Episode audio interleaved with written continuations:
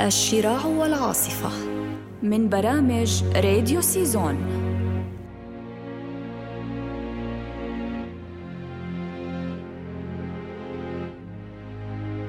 البحار الذي لفظه البحر يوكيو ميشيما. تعد هذه الرواية من أجمل أعمال ميشيما وأكثرها رهافة وشاعرية وهي تروي حكاية نوربو. الصبي ذي الثلاثة عشر عاماً الذي يفاجأ بغراميات أمه الأرملة الشابة ماريوجي ضابط البحرية التجارية.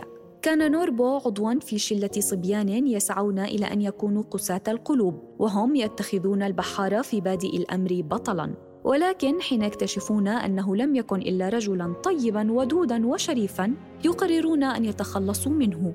وقد بدأوا بالتدريب على خط لإنجاز العمل الفظيع الذي عزموا على تنفيذه.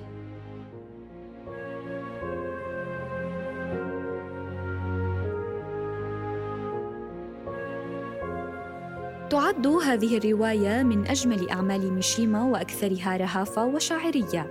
يوكيو ميشيما هو أبرز الروائيين اليابانيين ولا سيما في حقبة ما بعد الحرب. ولد عام 1925 وتوفي منتحرا عام 1970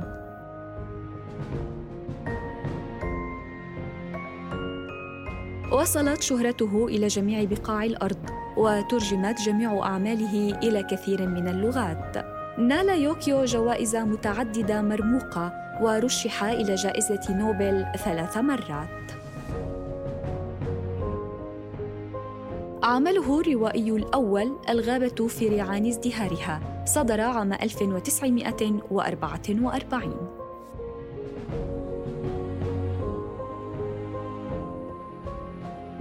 ونقتبس من الفصل الثامن.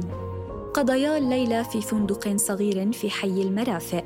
كانت فوزاكو قد خافت أن تعرف في أحد الفنادق الكبيرة في يوكوهاما.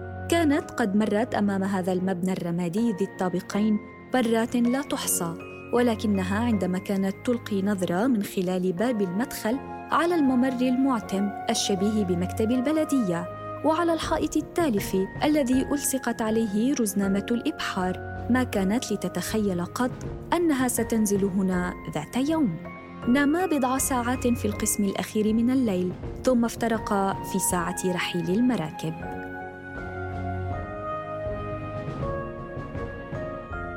عادت فوزاكو إلى البيت لتغير ملابسها قبل أن تذهب إلى عملها وغادر ريوجي إلى رصيف المرفأ.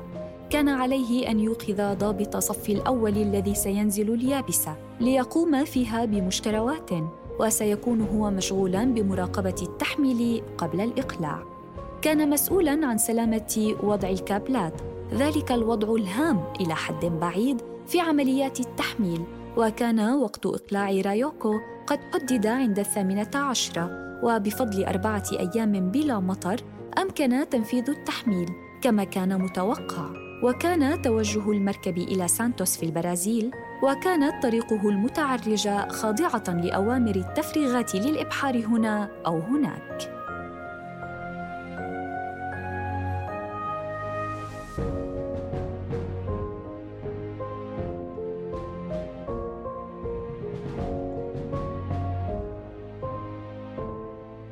ونقتبس من القسم الثاني الفصل الأول الشتاء.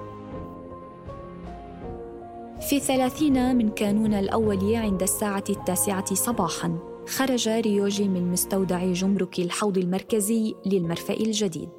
كانت فوزاكو قد أتت لملاقاته. هذا الرصيف كان مصغرا مثيرا لمدينة كانت الشوارع فارغة وأنظف مما ينبغي. وكانت صفوف الدلب التي تحيط بها معراة وعلى طريق مرآب بين مستودعات قديمة من الآجر ومكتب إبحار من طراز ما قبل عصر النهضة.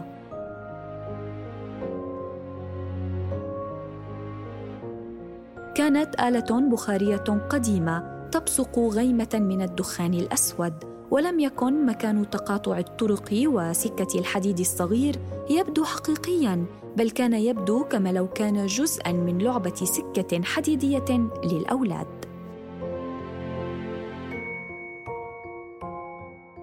وكان البحر سبب شعور باللاحقيقيه التي كان يضفيها المكان لأنه لم يكن من سبب لوجود الطرقات والبيوت وقطع الأجر نفسها هنا. إلا من أجل الملاحة. وكانت قد بسطت كل شيء واختصرته وكان الرصيف بدوره قد فقد طابع الحقيقية الخاصة فبدأ منتميا إلى مجال الأحلام. كان المطر يتساقط بغزارة وكانت دهان الفاقع الأحمر لقطع قرميد مستودعات القديمة يسيل ويكون بركاناً. وكانت الصواري العديدة التي تعلو السقوف تقطر ماءً.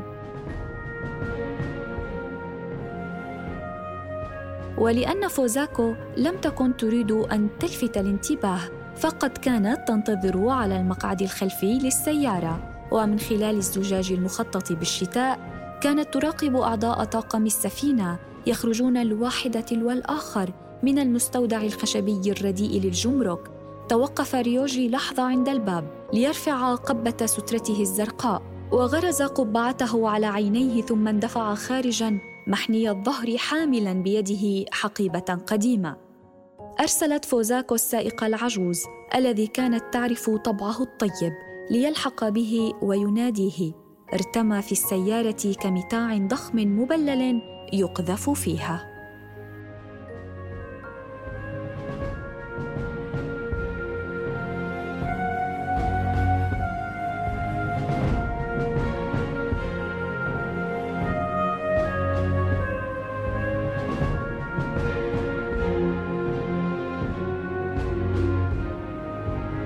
الشراع والعاصفة من برامج راديو سيزون.